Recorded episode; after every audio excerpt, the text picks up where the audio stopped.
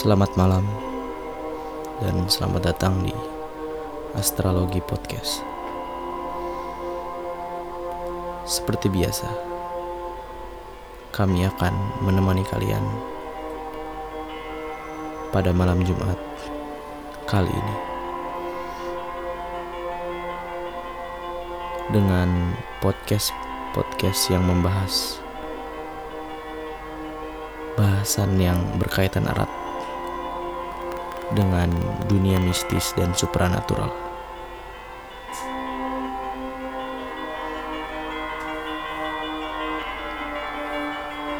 Astrologi Podcast dibagi ke dalam dua segmen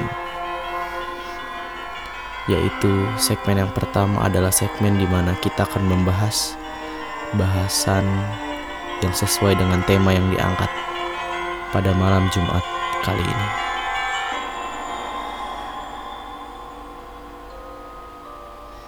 Lalu segmen yang kedua adalah segmen di mana kita akan menelpon menelpon seorang narasumber yang berkaitan erat dengan tema pada malam Jumat kali ini. Jadi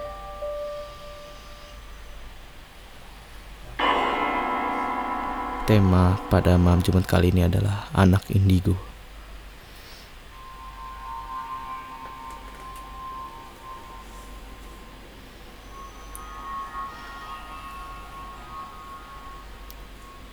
Bagi yang belum tahu anak indigo, anak indigo adalah istilah yang digunakan untuk mendeskripsikan anak yang diyakini memiliki kemampuan atau sifat yang spesial tidak biasa, dan bahkan supranatural.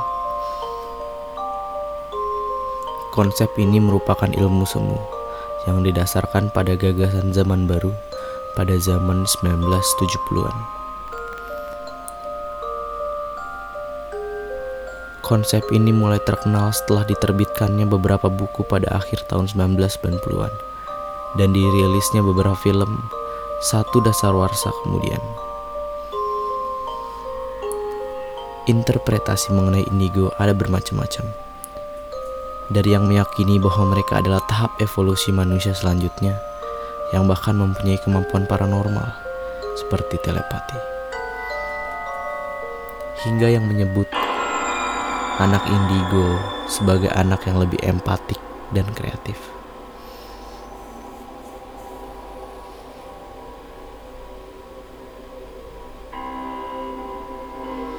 Asal-usul anak indigo. Konsep anak indigo pertama kali dikemukakan oleh cenayang Nancy Ente pada tahun 1970-an. Pada tahun 1982, Tape menerbitkan buku Understanding Your Life Track Color Memahami hidup Anda melalui warna Understanding Your Life Through Color yang menjela yang menjelaskan bahwa semenjak pertengahan tahun 1960-an ia mulai menyadari bahwa ada banyak anak yang lahir dengan aura indigo. Dalam publikasi lain, Tape juga mengatakan bahwa warna indigo atau nila berasal dari warna kehidupan anak yang ia dapat melalui sinestesia Gagasan ini kemudian dipopulerkan oleh buku yang berjudul The Indigo Children, The New Kids Have Arrived atau Anak Indigo, anak-anak baru telah tiba pada tahun 1998. Buku ini ditulis oleh Lee Carroll dan Jane Tauber. Berikut yang tadi kita telah dengar adalah beberapa penjelasan mengenai apa itu anak indigo menurut laman Wikipedia.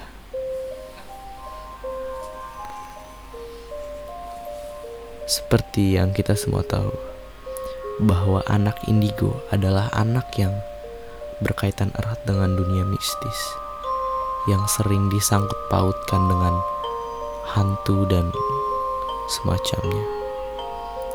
Bahwa anak indigo adalah anak yang bisa melihat atau bahkan merasakan eksistensi atau keberadaan mereka.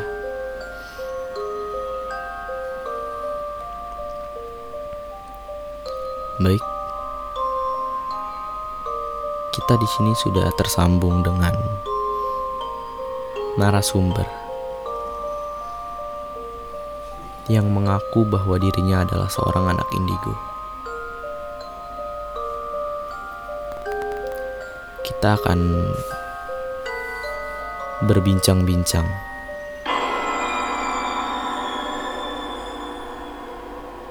dan bertanya-tanya tentang kehidupan dia selama ia menjadi anak indigo. Dan penelpon kita sudah uh, meminta izin kepada kita untuk tidak diberitahukan identitasnya secara lengkap.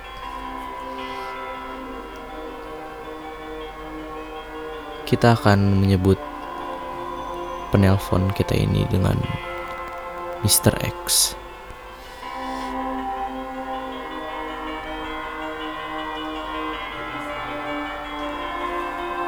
Selamat malam.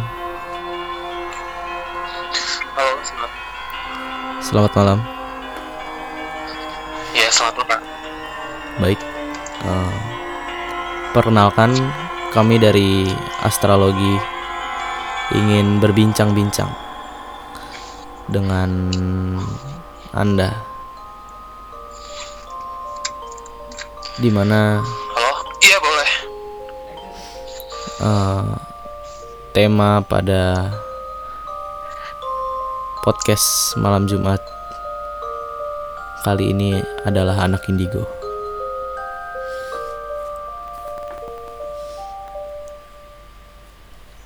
Uh, sebelumnya kita boleh tahu gak nih?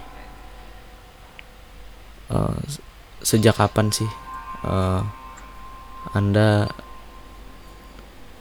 mengetahui atau uh, sadar bahwa anda ini adalah termasuk anak-anak indigo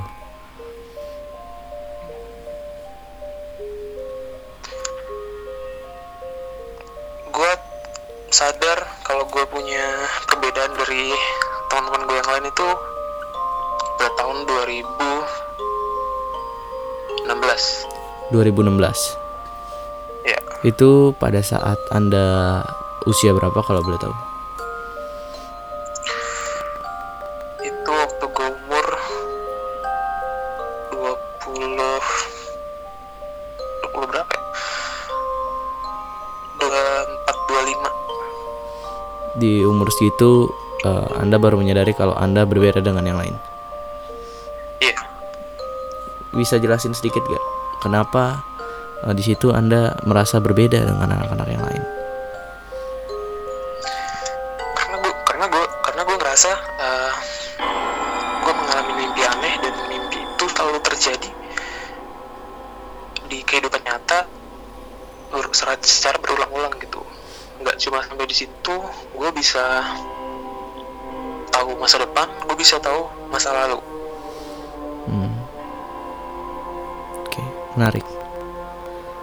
Bisa ceritain sedikit gak eh, mimpi apa yang pernah dimimpiin dan kejadian di gua, kejadian eh, nyata itu seperti apa? dulu gue pernah dulu gue pernah mimpi adik gue jatuh dari kasur adik gue masih kecil Umur berapa adiknya? kalau nggak salah waktu itu dia masih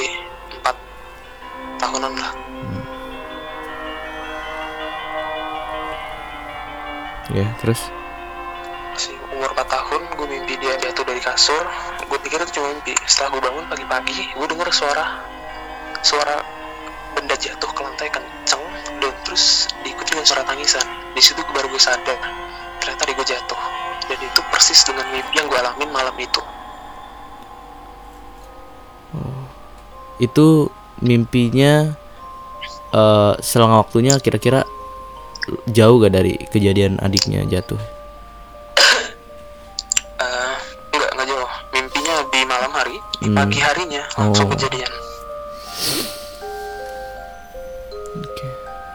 Lalu eh tadi anda berkata bisa melihat masa depan dan melihat masa lalu. Ya. Kira- nah contoh untuk masa depan itu adalah kalau gue punya teman dekat gue punya teman dekat keluarganya atau siapa pun lagi sakit. Terus eh, terus misal gue berkunjung ke rumahnya ke rumah sanak saudaranya ketika keluarganya lagi sakit itu gue bakal tahu.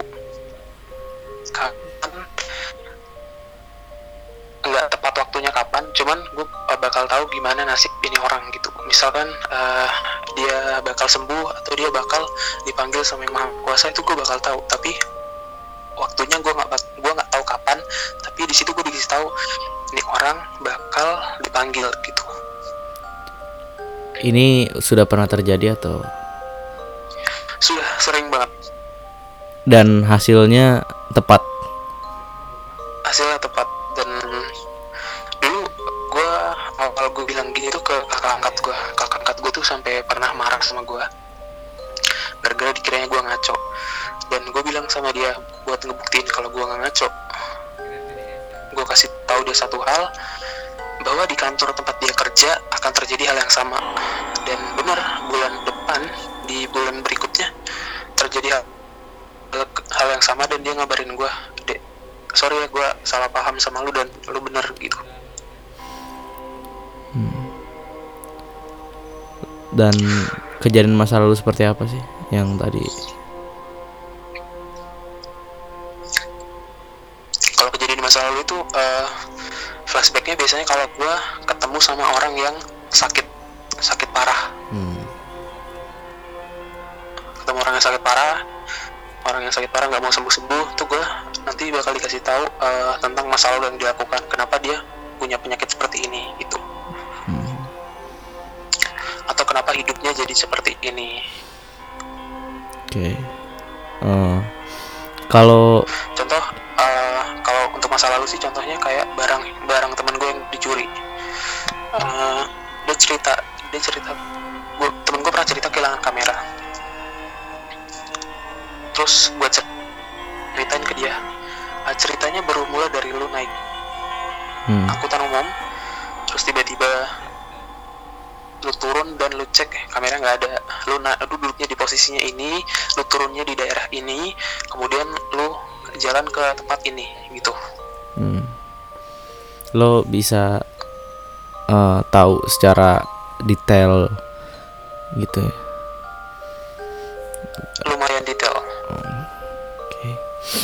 Eh, gini, kita sebagai masyarakat eh, awam, khususnya eh, masyarakat atau orang-orang yang orang-orang awam yang mengenal bahwa anak indigo itu adalah anak yang eh, dibilang atau berkaitan erat dengan makhluk halus atau hal-hal gaib itu sebenarnya bener gak sih?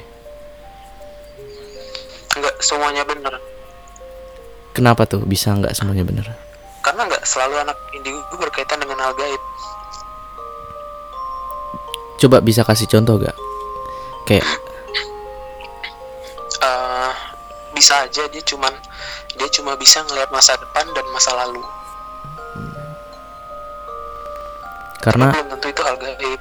Hal gaib yang dimaksudkan adalah eh, mungkin dia sering dapat gangguan atau dia bisa bermain dengan jin atau sejenisnya karena orang-orang awam tahu seperti misalkan kita ambil eh, contoh public figure yang yang yang dikenal bahwa dia adalah anak indigo seperti Roy Kiyoshi gitu ya.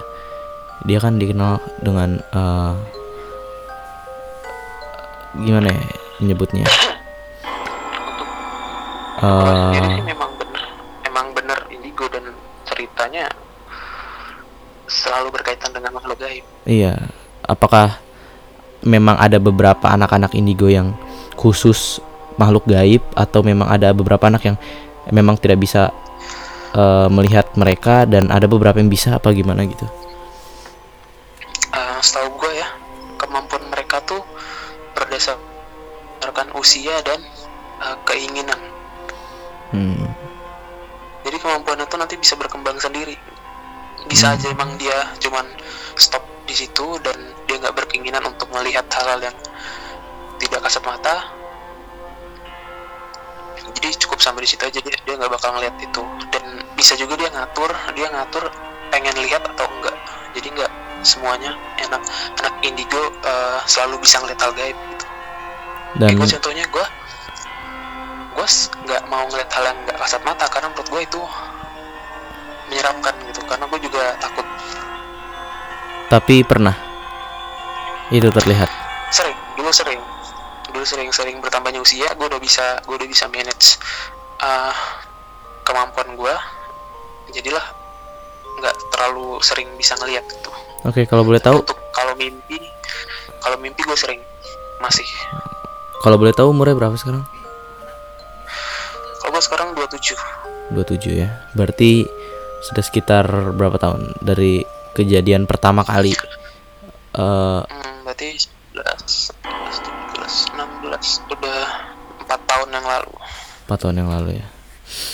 Dan di situ lo belajar untuk tidak eh, melihat keberadaan mereka karena lo sendiri pun takut gitu. Dulu di 2016,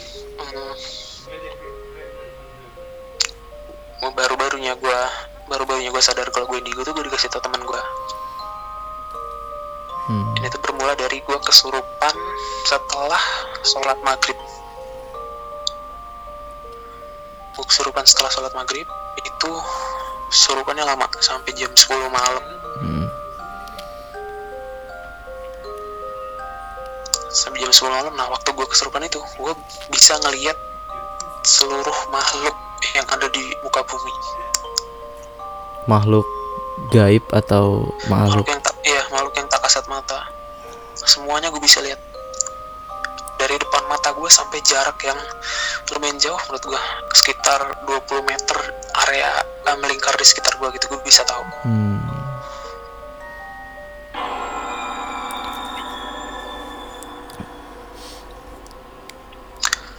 Tapi eh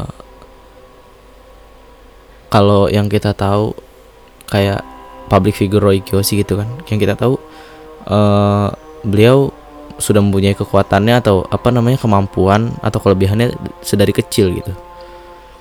Dan yang saya ingin tanya kenapa kemampuan eh, Anda baru sekitar umur 20-an baru muncul. Seben- sebenarnya indigo itu harus dari kecil. Tapi ada beberapa indigo yang gua tahu mereka baru dapat kemampuannya di usia-usia dewasa. Nah, ada contohnya gue pernah baca indigo dari Jawa Timur kalau nggak salah gue lupa daerahnya. Nah, itu dia pernah eh, cerita di channel apa gitu gue lupa. Itu dia baru dapat indigonya itu di usia 20 tahun dapat kemampuan yang bisa disebut indigo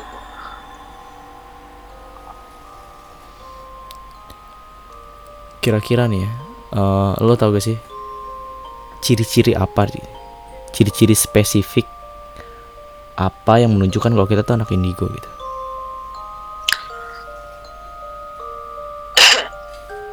sebenarnya untuk ciri-ciri eh, mungkin nggak ada ciri-cirinya ya. Tapi kalau kalau dia dari kecil kemampuannya itu mungkin bisa lebih jelas. Misal eh, dia sering cerita ke orang tuanya bu aku habis main sama ini aku Hmm. habis main sama ini gitu. Tapi dia di rumah aja gitu. Nah itu mungkin lu boleh lu boleh penasaran nih anak sebenarnya main sama siapa? Itu kalau dia dari kecil. Tapi kalau dari udah gede sih eh, agak susah jelasinnya gitu. Hmm. Tapi bukannya kebanyakan anak kecil memang seperti itu ya? Banyak anak kecil yang merasa kalau dia banyak itu anak kecil bisa ngelihat tapi ada juga nggak? Ada juga anak kecil yang normal. Mungkin di kisaran umur 10 tahun. Umur 10 tahun ke bawah umur 10 tahun ke bawah memang kepekaan mereka tuh masih peka banget terhadap uh, hal seperti itu. Jadi kalau misalkan ada anak balita balita dideketin tapi lu punya aura negatif dan diikutin banyak jin atau setan nah itu dia bakal tahu dan ngerasa nangis ngerasa tertekan gitu hmm. nah tapi kalau udah usia 10 tahun uh, 10 tahun ke atas itu kepakaannya menurun nah tapi kalau ada anak-anak yang emang dia punya kemampuan khusus dia pasti tetap bertahan dengan kemampuan itu hmm. ya karena kan uh, kayak kita tahu sendiri gitu. Banyak anak-anak kecil yang memang dari kecil uh, ada teman hayalan gitu. Itu apakah yeah, benar yeah.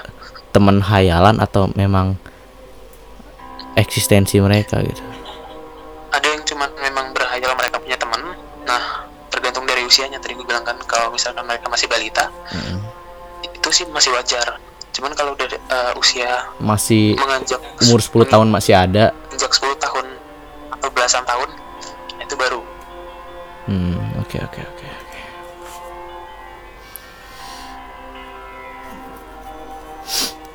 Dan uh, pengalaman paling menakutkan apa yang pernah lo alamin selama lo jadi anak indigo gitu? Terjebak di dalam mimpi yang menurut gue itu lama dan gue susah untuk keluar dari mimpi itu. Hmm. Kayak apa namanya?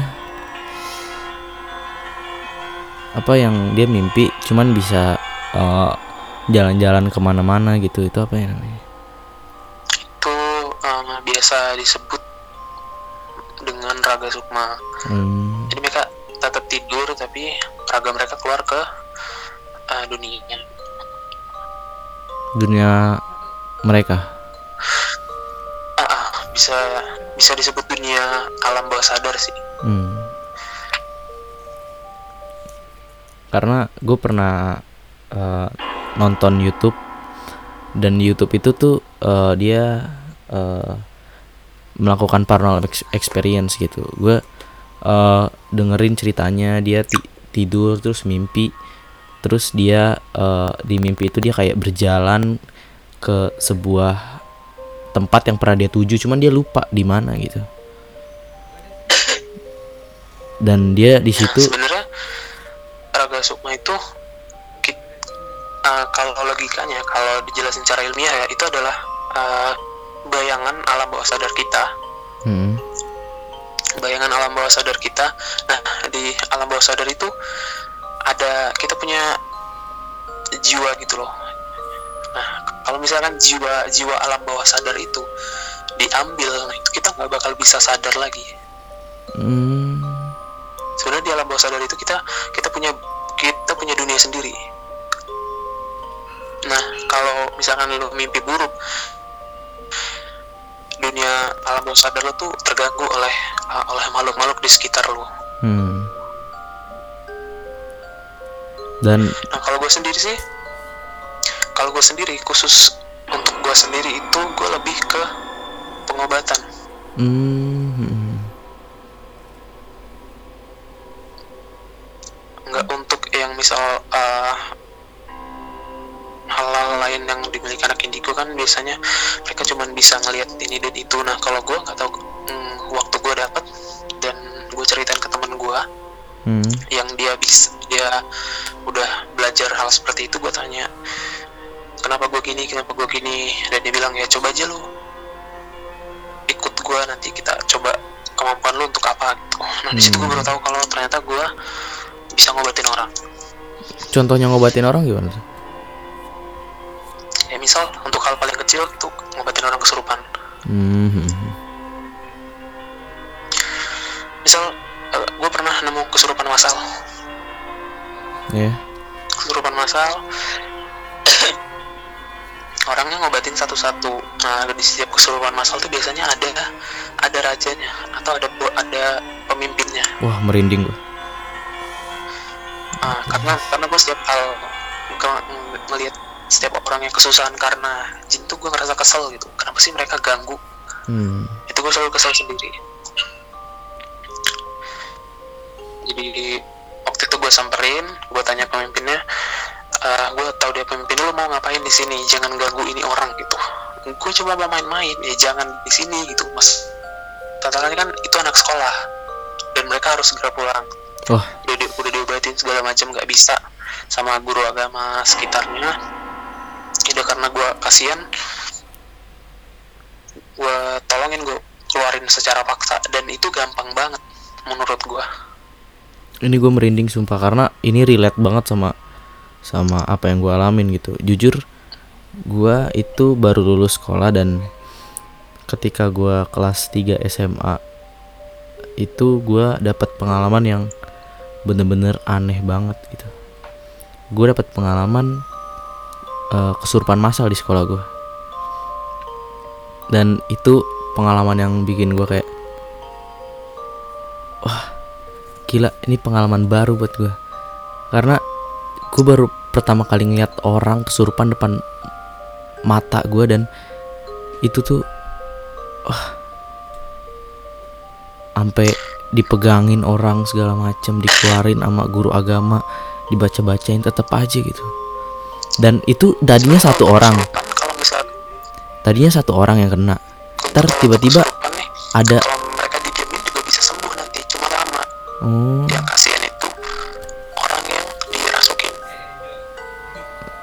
karena Oh. atau bisa pingsan Mhm. Karena pas gua sekolah itu hari dan kejadian kesurupan massal tadi itu cuma satu yang yang apa namanya yang kena cuma satu orang. Merembet. Jadi kelas 10 ada yang kena kelas lain ada yang kena kelas 11 ada yang kena. Itu kenapa tuh kalau boleh tahu?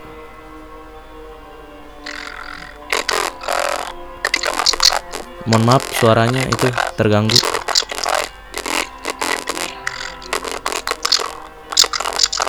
Disuruh Halo.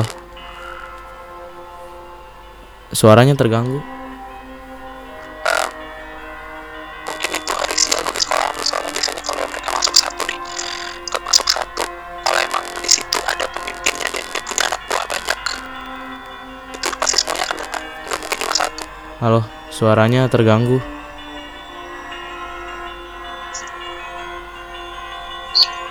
hmm, halo Halo. Gimana Ah, dah. Coba jelasin tadi eh, kenapa? Ah, kenapa dia bisa merembet itu biasanya kalau memang di situ ada eh, satu kelompok jin bisa jin itu kan punya jin itu punya pemimpin dan punya anak buah banyak Nih.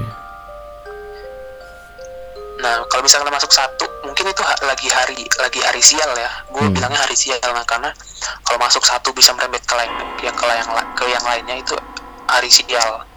Karena biasanya jarang-jarang jarang-jarang jin itu masuk rame gitu jarang. Pasti Hmm, kalau nggak hari sial eh, teman lu mungkin atau salah satu siswa di sekolah lu ada yang berbuat aneh gitu. ada yang manggil gitu ya.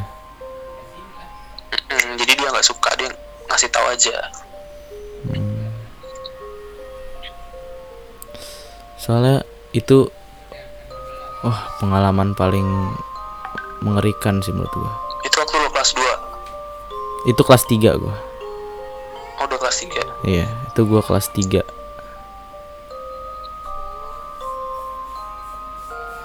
Itu gua kelas 3 dan itu selama tiga tahun gue sekolah itu baru pertama kali gua ngerasain hal yang wah kayak gitu.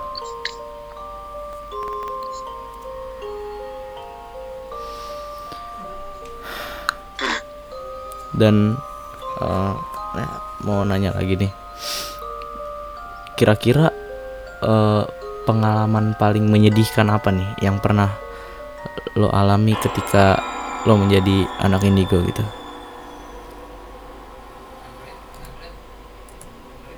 kalau pengalaman gue sih rata-rata gue alamin di mimpi soalnya gue jarang jarang ke mana-mana gitu Hmm. jadi gue paling sering ngalamin uh, mimpi dan kejadian itu paling gue alamin setelah gue ngobatin orang yang sakit.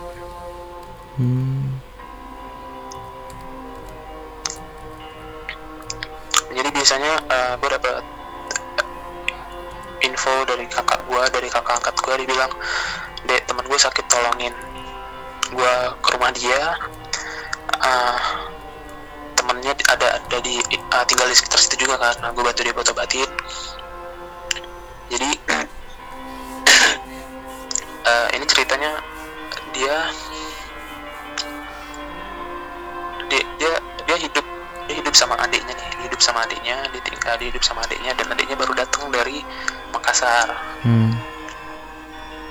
Nah selama adiknya, selama dia tinggal sendiri, sama selama dia tinggal sendiri, itu dia nggak ngalamin kejadian apa pun. Tapi setelah ada adiknya datang sama suaminya, itu Dia mulai ngalamin kejadian-kejadian aneh. Jadi sering ngeliat bayangan hitam, sering mimpi didatengin cewek berbaju hitam. Hmm. Jadi pokoknya aura rumahnya jadi nggak enak. Jadi itu. Nah situ, situ gue kasih tahu ke ke teman kakak gue kalau adiknya ini ngebawa sesuatu dari sana. Hmm. jadi pas sesuatu dari sana dan dia nggak sadar kalau sesuatu itu masih ngikut dia sampai sekarang Apa kayak ketempelan gitu ya? Eh, bisa dibilang ketentelan C- dari cerita yang gue denger sih itu ke kayaknya kekunci kekunci sama orang yang ngobatin Maksudnya kekunci sama orang yang ngobatin? Eh, jadi kan dia bisa di, dia diobatin nih sama orang sama orang pintar Hmm. Nah, ternyata pas diobatin itu si si jin ini dia ke terkunci di dalam dirinya. Tapi selama dia terkunci itu dia nggak dia udah nggak ngerasa nggak ngerasa nggak ngerasa aneh biasa aja. Setelah dia keluar dari sana dari Makassar ke Jakarta, nah itu dia baru ngerasain hal aneh, sering mimpi segala macam itu sering. Hmm. Nah itu biasa kasusnya tuh eh, jin tuh punya batasan wilayah yang dia nggak bisa yang dia nggak bisa lewat gitu. Hmm. Jin itu biasanya di, di setiap wilayah nih itu ada namanya batasan wilayah jin. Jadi Hmm. ketika lu masuk ke pulau lain Hmm. itu pasti akan terjadi eh, terjadi apa ya kalau gue bilang ya kayak lu imigran tapi tapi nggak jelas asal usulnya gitu. Jadi kan pasti di dilacak sama pemerintah ibaratnya gitu. Hmm. Nah ini jin tuh sama, jin tuh punya wilayah batasannya sendiri. Jadi lu keluar dari pulau Jawa atau keluar dari pulau mana pun itu mereka harus izin izin dulu sama penguasa pulau tersebut Baru bisa masuk. baru bisa masuk. Kalau masuk sih bisa kalau mereka ngikut sama pemiliknya. Nah tapi kalau untuk pulang mereka nggak bisa. Bisa mereka nggak akan betah di wilayah itu. Hmm. Kayak yang teman kakak gue alamin itu di- adiknya nggak ngerasa betah. Sampai mereka pernah ngalamin kejadian aneh itu adalah handphone kakaknya bunyi sendiri, muter musik, muter musik. Tapi ketika dicek handphonenya itu masih dalam screen terkunci dan ketika dibuka pun nggak ada hasil background dari pemutar musik. Jadi bersih gitu, latar be- ah, bekas Iya. riwayat Padahal padahal ada. padahal ada yang nyetel musik gitu. Iya ada yang muter musik. Ah, itu yang sampai yang paling parah. Merinding sumpah. Nah pas gue ngobatin itu, gue cuman bilang cari rambut put eh, kalau nggak salah usia adiknya itu umur 23an lah, 23 atau 20, pokoknya kisaran 25, Hmm. 25 ke bawah tuh, gue lupa pastinya. Nah gue bilang ke dia, lu cari rambut warna putih satu, gue yakin pasti ada. Awalnya gue nggak nyangka, gue nggak nyangka ternyata ada beneran ada rambut putih satu. Di mana? di kepala adiknya. Wow. Kayak uban gua gitu. so, iya uban. Kayak uban. Soalnya dia masih muda dan nggak mungkin Nggak mungkin ubanan ya. dibilang dia nggak punya uban. Gue nggak Hmm. punya uban sama sekali. Beda kan ada anak muda yang juga punya uban. Nah dia dia dia bilang dia nggak punya. Dan gue nggak tahu kenapa gue bilang cabut rambut putih satu di atas kepalanya bukan di daerah belakang atau di mana di atas. Ternyata beneran ada satu. Hmm. gue juga nggak nyangka. Gue nggak nyangka tapi yaudah gue ucapin aja. Akhirnya gimana? Setelah dicabut rambut putih setelah dicabut rambutnya gue bakar. Udah habis itu mereka nggak mimpi-mimpi apa lagi ataupun punya gangguan sama sekali. Itu apa tuh kalau boleh tahu rambut putih itu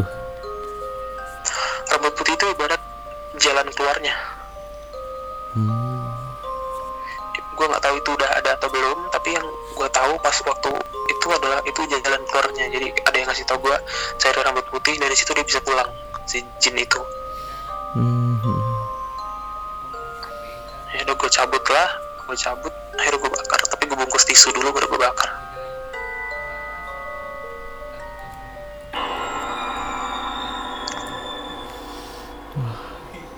berarti eh, indigo ini anak-anak indigo khususnya ya itu eh, diberi kemampuan bukan hanya untuk melihat ya atau bukan hanya untuk merasakan atau bukan hanya untuk eh, meramal seperti yang lain-lain bisa juga untuk mengobati ya. iya mereka bisa ngobatin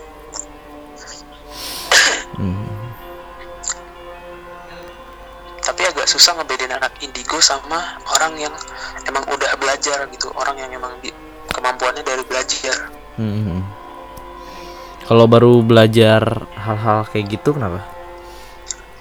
nah kalau orang yang udah belajar nih kan mereka prosesnya lama nih mereka prosesnya lama kayak lu sekolah ini kalau yang belajar tapi kalau yang indigo mereka di hari itu dapat lu mau tes dia kemampuan apa mungkin dia langsung bisa Hmm.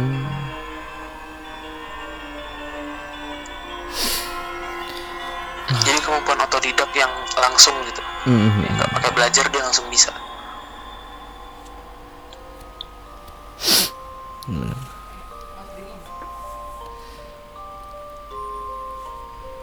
Tapi eh, menurut lo gimana sih pandangan orang-orang gitu mengenai anak indigo? Kan pasti pandangan anak eh pandangan orang-orang tuh sama anak indigo tuh kayak ih ini anak serem gitu apa gimana gitu. Gimana menurut lo? anak indigo eh, tergantung usianya dia sih misal kalau misalkan dia masih sekolah kayak lu nih Hmm. dia sering melihat dan dia biasa sering ngerasa keganggu dan dia nggak bisa ngelawan itu mungkin kita yang temenan sama dia tuh ngera- ngerasa serem Hmm. karena bisa tiba-tiba dia nangis atau bisa bisa tiba-tiba dia Oh iya. teriak histeris gitu kita kita nggak tahu jadi kita Hmm. serem Karena tapi kalau anak indigo itu belum bisa- sensitif apa gimana sampai bisa uh, mengatasi kemampuannya atau mengatasi kelemahannya sendiri Hmm. Anak indigo itu sensitif ya sama hal-hal gitu sampai bisa nangis gitu. beda-beda sih ada yang sensitif ada yang enggak Kalau lo termasuk yang sensitif gak? kalau gue itu kalau untuk sekarang sih udah enggak gue udah biasa aja gitu nah gue kalau pengen lihat ya udah gue kalau pengen lihat gue buka mata gue gue nggak lihat. Tapi kalau nggak pengen lihat dan nggak pengen diganggu.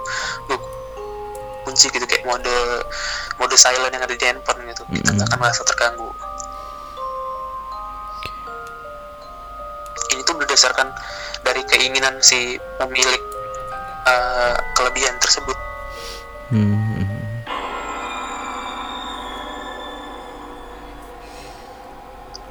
Karena serem juga sih kalau misalkan ada teman-teman kita gitu kan yang tiba-tiba nangis sendiri gitu lagi kumpul.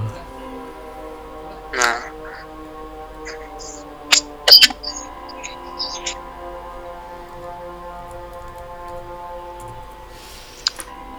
Tapi kayaknya nggak nggak harus indigo juga banyak kok teman-teman gue yang yang sensitif gitu masalah kayak gitu. Karena nah masalah sensitif sih untuk orang biasanya beda-beda. Ada yang Hmm. emang dia sensitif banget yang kadang ada hal nggak jelas dia langsung merinding atau mungkin dia bisa ngeliat dari ekor matanya dia. oh itu itu termasuk Karena manusia itu rata-rata pasti bisa Se- setiap orang ya, setiap orang itu bisa ngelihat melalui ekor matanya dia. Kalau posisi otaknya dalam posisi beta.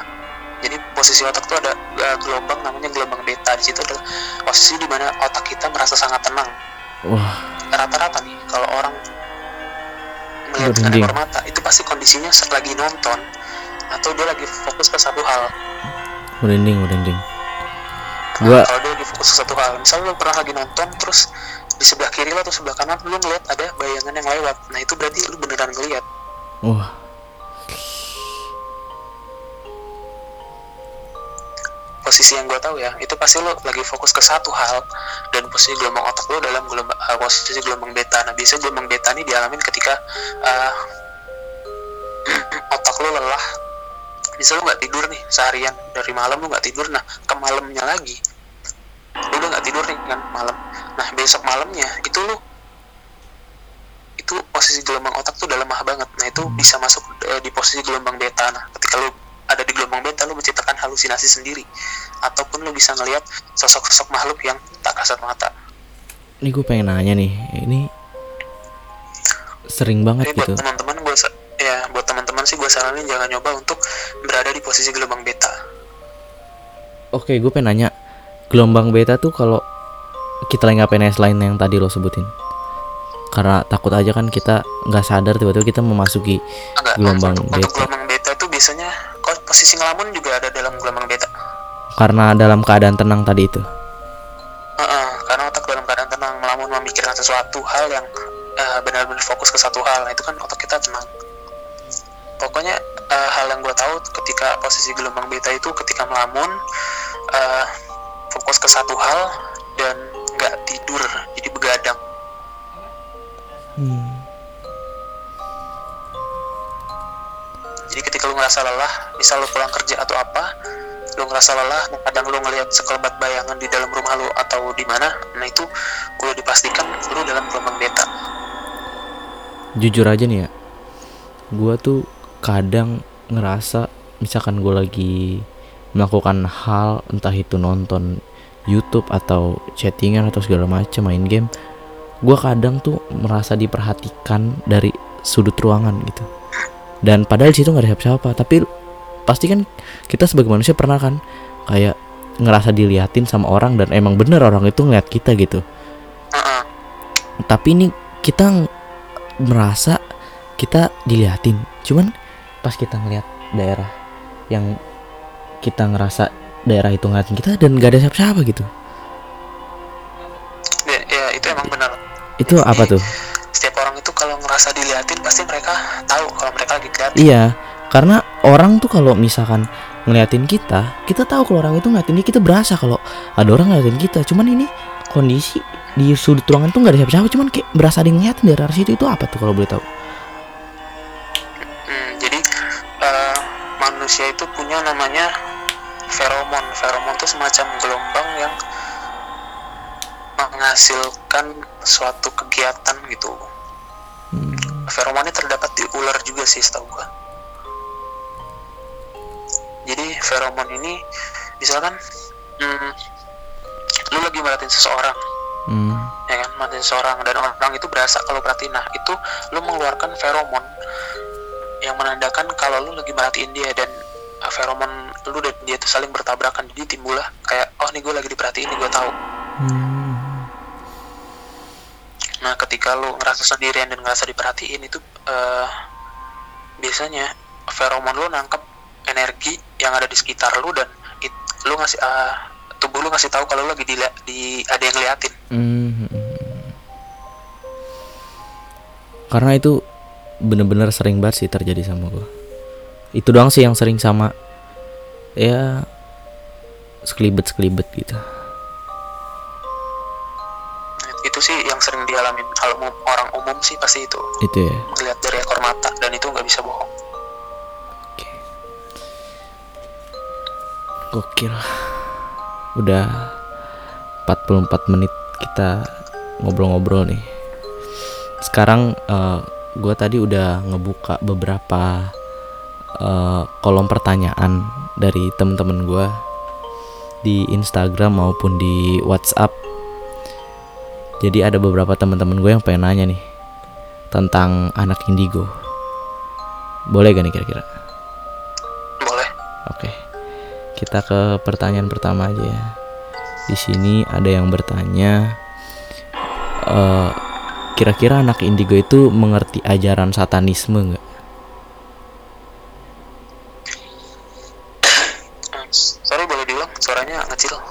Eh, kira-kira anak indigo itu mengerti ajaran satanisme gak? enggak mereka nggak ngerti sama sekali karena yang mereka dapat autodidak jadi mereka nggak paham mereka nggak paham itu itu kenapa dan dan gimana Jadi anak indigo nggak ngerti sama sekali tentang ajaran satanisme. enggak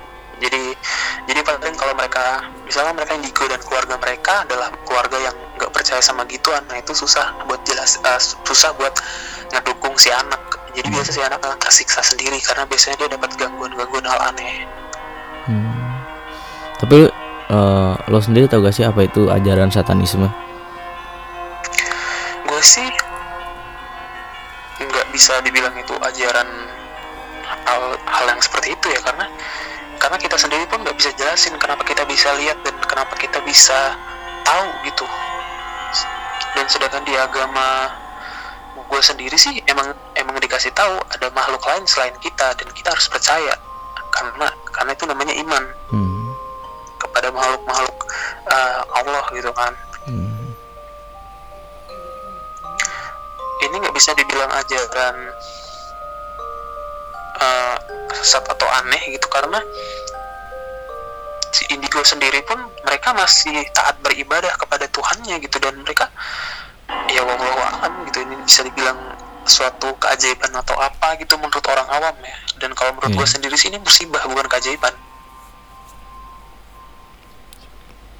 Jadi kalau ajaran-ajaran satanisme kayak gitu tuh nggak ada sebenarnya. sebenarnya nggak ada Hmm. Eh, itu paling bukan ajaran setan atau apa ya Cuman itu tuh orang segelintir orang doang ya. dari dari sebuah pencapaian pencapaian yang, yang lu inginkan misal lu ingin kaya secara cepat atau apa nah itu kan dikasih lu disuruh cari tumbal atau segala Hmm. macam nah itu sesat Hmm. itu baru itu baru namanya sesat Hmm. Oke oke oke. Oke. Kira-kira eh tuh tadi yang nanya ya di Instagram tadi itu adalah jawabannya. Oke, kita lanjut aja ke pertanyaan kedua. Di sini ada yang bertanya nih. Orang yang udah meninggal itu akan jadi hantu atau enggak? Kalau enggak, terus mereka pergi ke mana? Coba dijawab. untuk orang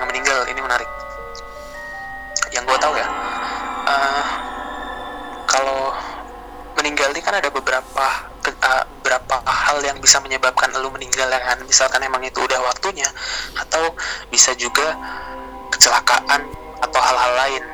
Ya kita nggak tahu mungkin itu waktunya juga atau belum. Nah yang jelas yang gue tahu nih orang meninggal itu udah ada waktunya nih udah ditentukan waktunya kapan. Nah ketika mereka meninggal roh mereka itu akan ditarik ke eh, alam kubur. Mereka di situ aja nggak ke mana-mana melihat sosok sosok orang yang meninggal itu biasanya bukan orang yang ada di, di orang yang meninggal tepat pada waktunya. Orang yang mendadak meninggal atau apa nah itu rata-rata orang yang emang udah waktunya meninggal ya meninggal nah orang yang belum waktunya meninggal tuh kayak apa sih? Itu orang yang kecelakaan dibunuh atau tumbal. Itu orang yang meninggal belum pada waktunya. Nah biasanya orang yang meninggal belum pada waktunya rohnya itu nggak ada di alam kubur tapi masih keliling di dunia kita. Dan sama kayak di dunia cuman kita udah beda dunia aja. Tapi kadang mereka masih uh, kita masih bisa ngeliat wujud mereka. Kenapa? Karena belum waktunya mereka meninggal tapi mereka udah uh, meninggal duluan. Hmm, dan itu yang orang-orang biasa sebut hantu apa gimana?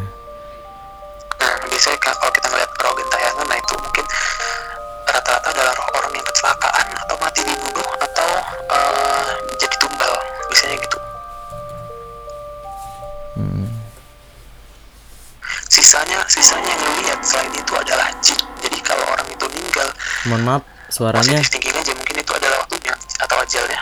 Mohon maaf suaranya. Positif thinking aja. Halo mohon maaf suaranya uh, terganggu. Halo.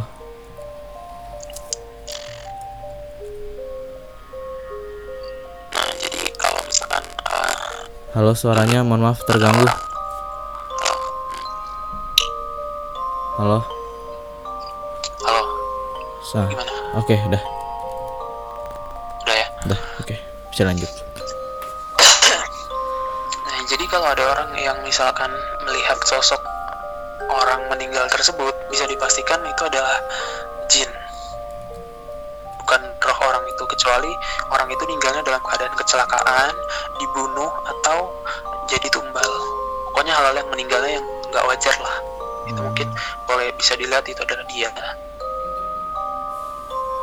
Jadi eh yang meninggal belum pada waktunya dan ki- kita bisa ngelihat mereka gitu itu berarti jadi hantu gitu ya. Itu roh mereka benar. Tuh tadi eh, yang Nah, bertanya orang yang meninggal udah pada waktunya tuh biasanya tuh kayak orang-orang lanjut usia gitu kan biasa mereka meninggalnya karena penyakit eh, atau mereka meninggal mendadak udah waktunya. Oke. Gimana tadi yang nanya eh tentang itu udah ya udah dijawab ya. Oke. Eh, kita lanjut aja ya bang ke pertanyaan selanjutnya. oke Oke, eh, ini ada yang bertanya, kalau lagi boker suka ngobrol gitu gak sama penjaga kamar mandi? Kan katanya sarangnya kayak gituan tuh di tempat kotor kayak WC misalnya. Itu kalau gimana? gua enggak Tapi bener gak sih bang kalau tempat-tempat yang lembab dan kotor itu tempatnya mereka gitu? iya itu benar jadi kalau lu punya misal lu kamar lu nih nggak usah tempat-tempat lembab dan kotor deh kamar lu aja nih kalau misalkan Hmm. berantakan dan nggak keurus itu bisa jadi sarang mereka Dan kamar yang gue tempatin saat ini kondisinya kayak gitu bang. jadi eh, lu punya kamar nih kondisi bajunya di mana berantakan dan lu nggak pernah nyapu kamar lu nah itu bisa jadi mereka suka tempat itu Wah. ada dua hal ada dua hal yang bisa menyebabkan makhluk tinggal meninggali suatu tempat yang pertama adalah eh, karena tempat itu udah kosong selama 40 hari. Selama 40 hari tempat itu kosong yang Tempat kedua atau rumah? tempat itu kotor dan gak keurus tempat atau rumah? Karena kan kalau tempat Bisa- itu bisa, bisa ada di dalam bisa, sa- rumah, bisa tempat bisa ruangan lah ruangan ya. satu ruangan atau satu tempat yang misalnya ada rumah kosong nih ada rumah kosong yang udah kosong lama banget Hmm. Nah itu bisa jadi tempat mereka tinggal Atau kamar lu nih Lu punya rumah gede banget Dan ada kamar yang nggak pernah diisi sama orang Hmm. Itu cuma jadi gudang Itu jadi mereka tinggal di situ Hmm.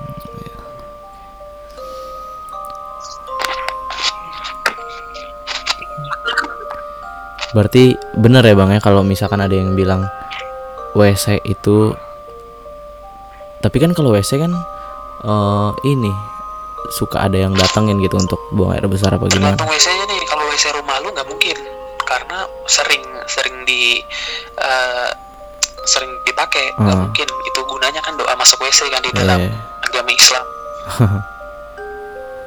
kalau WC WC biasanya tuh WC-WC yang tem- di tempat umum sendiri kalau misalkan yang kita alamin di tempat tinggal sekitar kita ya itu adalah WC yang Wah. WC umum atau Iya, WC iya. sekolahan oh WC sekolah. pokoknya berbau berbau umum dan umum kumuh kotor gitu itu pasti ada rata-rata sih yang gua tahu ya itu sekolahan dari zaman gua sekolah emang WC sekolahan itu gak enak Hmm. Wah. Jadi tuh yang nanya tempat eh, seperti contohnya WC itu ada penghuninya ya udah dijawab ya. Oke bang, eh, ini pertanyaan yang terakhir nih bang. Ini ada yang bertanya, eh hantu yang paling sering nongol apaan sih? hantu yang paling sering nongol Hmm.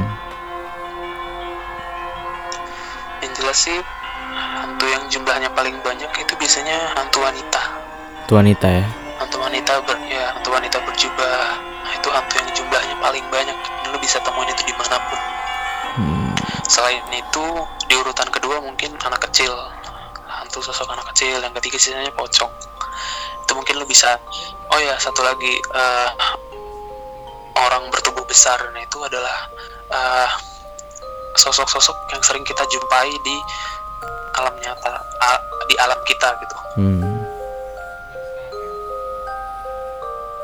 atau sosok yang sering eksis lah ibaratnya itu kenapa ya? Yang sering dilihat itu atau kebanyakan negara gitu atau di mana pun pasti sosoknya selalu wanita berambut panjang hitam dan memakai baju putih. Itu kenapa tuh? Untuk hantu wanita sendiri gue sih kurang tahu kenapa jumlahnya banyak tapi yang jelas biasanya mereka itu dipakai buat eh, hal negatif gitu. Misalkan lu nggak suka sama orang Mm-mm. lu nggak suka sama orang lu pergi ke dukun dan minta tolong sama si dukun. Nah itu biasa si dukun akan ngirim hantu atau jin sosoknya wanita untuk gangguin lu itu adalah eh, sosok yang paling sering ganggu manusia. Kalau misalkan ada yang minta gitu ya minta lu gak senang sama teman lo atau nah, itu pasti gangguannya berupa hantu wanita. Rata-rata sih hantu wanita yang gua yang gue pernah obatin rata-rata yang gue temuin hantu wanita Hmm. jadi untuk ganggu orang pun mereka ngirim hantu wanita. Nah biasanya setelah hantu wanita, eh, mereka yang mengalami gangguan gaib itu eh, bisa ngeliat selain hantu wanita. Nah biasanya hantu wanita ini ketika mereka dikirimkan untuk mengganggu seseorang, mereka datangnya nggak sendiri. Mereka dikawal oleh satu jin berbadan besar, bisa Hmm. atau kutu hijau atau gendruwo. Pokoknya dua itu bisa gua gua uh, tahu kenapa? Karena uh, beberapa pengalaman gua ngobatin orang. Itu gitu Oke, jadi yang paling eh nongol paling sering itu hantu wanita. Yang pertama, yang kedua anak kecil, kecil. Yang ketiga pocong. calon terus sisanya orang berbadan besar. Oh, oke. Dan itu tadi pertanyaan yang terakhir nih bang. Oke, nggak terasa nih bang, kita udah berbincang-bincang, udah ngobrol eh, kurang lebih satu jam. Eh, untuk penutup, kira-kira ada yang mau lo tambahin nggak? untuk menutup sih gue cuman saranin uh, manusia punya rasa takut dan setiap lu ngerasa takut lu ngeluarin energi negatif yang jadi makanan bagi makhluk halus. Jadi buat lu yang sering ngerasa takut lu manage rasa takut lu latih buat uh, buat mengendalikan rasa takut lu supaya uh, rasa takut tidak menguasai diri lu dan malah jadi makanan jin. Jadi setiap orang yang merasa ketakutan itu pasti mereka akan uh, selalu kebayang oleh sosok-sosok yang nggak jelas gitu. Hmm. Nah, jadi kalau lo ada di suatu tempat dan lo ngerasa takut, lo harus manage ketakutan itu biar nggak jadi hal-hal nggak terjadi hal-hal yang buruk. Terserah gimana lo cara ngatasinnya, mungkin lo berdoa atau gimana. Pokoknya uh, ketika lo ngerasa takut, jangan sampai rasa takut itu menguasain diri lo sendiri. Karena gue juga pernah denger gitu katanya kalau misalkan kita takut, makin takut itu mereka makin kuat itu benar berarti. Suatu tempat angker, ketika lo ngerasa takut gara-gara di dilihatin satu sosok atau apa, lu jangan pernah ngerasa takut. Kalau lu semakin lu takut, semakin mereka seneng karena rasa takut energi dari ener- apa energi yang dikeluarkan dari rasa takut itu adalah negatif dan itu adalah makanan mereka. Jadi eh, pesan untuk teman-teman semuanya jangan takut ya bang. ya. Iya, jangan takut. Jangan takut jika eh, lagi ada di situasi atau di tempat baru yang katanya angker gitu ya.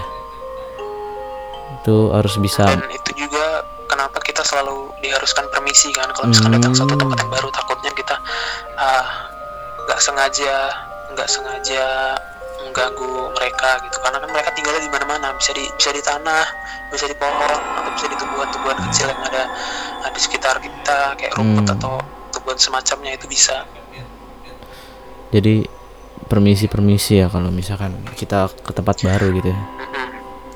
Oke, okay, benar benar. Oke. Oke, Bang. Uh, terima kasih banget nih udah nemenin uh, kita-kita semua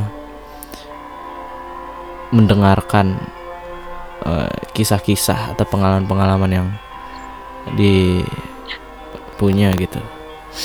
Terima kasih banget uh, telah menemani kita semua. Uh, saran penutup nih bang, coba sekali lagi penutup banget deh nih pesan-pesan penutup buat kita semua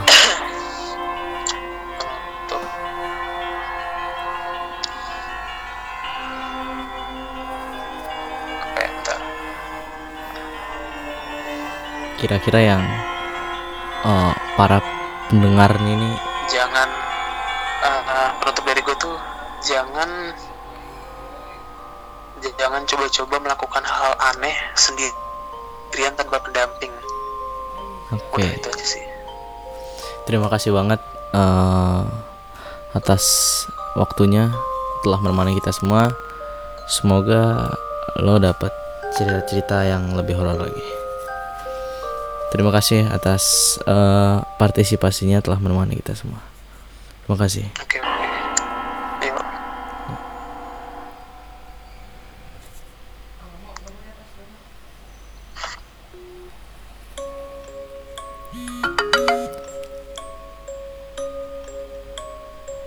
Oke, okay, uh, eh, itu tadi.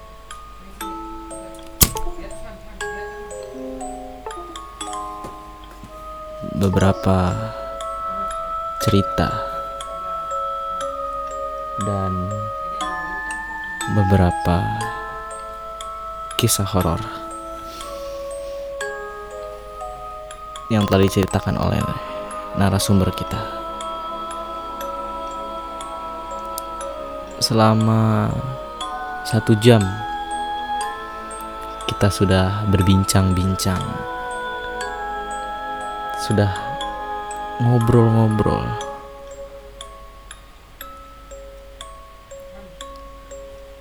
Dengan salah satu orang yang menyebut dirinya adalah anak indigo. Gimana? Apakah kalian semua merasa selama mendengarkan podcast ini merinding? Atau biasa saja?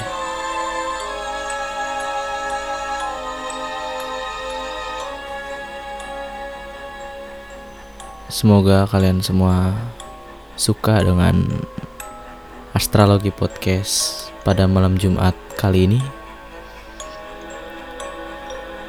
Ini semua hanya hiburan.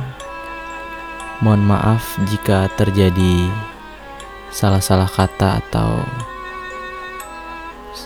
pengucapan.